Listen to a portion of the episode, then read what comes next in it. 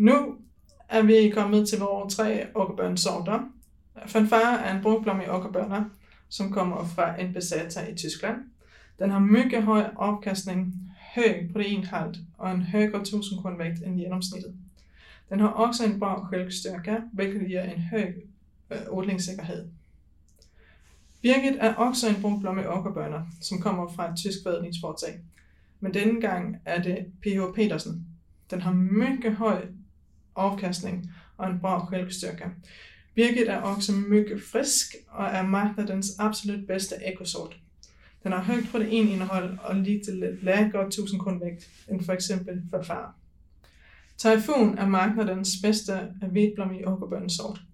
At sorten af hvidblom betyder, at tanninindholdet i Typhoon er lågt eller ikke. Den har altså ingen tanniner. Hvidblommige okkerbønner afkaster lavere end med men Typhoon er den sort, som ligger nærmest i brugblomige i afkastning. Typhoon har en bra självstyrka, middel proteinhalt og lidt lagret 1000 kornvægt. Typhoon er også tysk og kommer fra en besat. Fanfare er en mycket bra sort, som har været med en del år. Birgit er lidt nyere sort, som er absolut bedste sorten i ægforsøg, men den er også meget god i de konventionelle forsøg.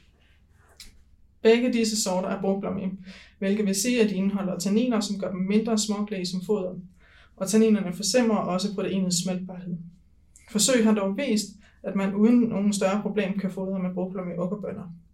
Typhoon, som er en hvidblommig sort, har altså ingen tanniner, men den afkaster også lidt lavere end far og birket.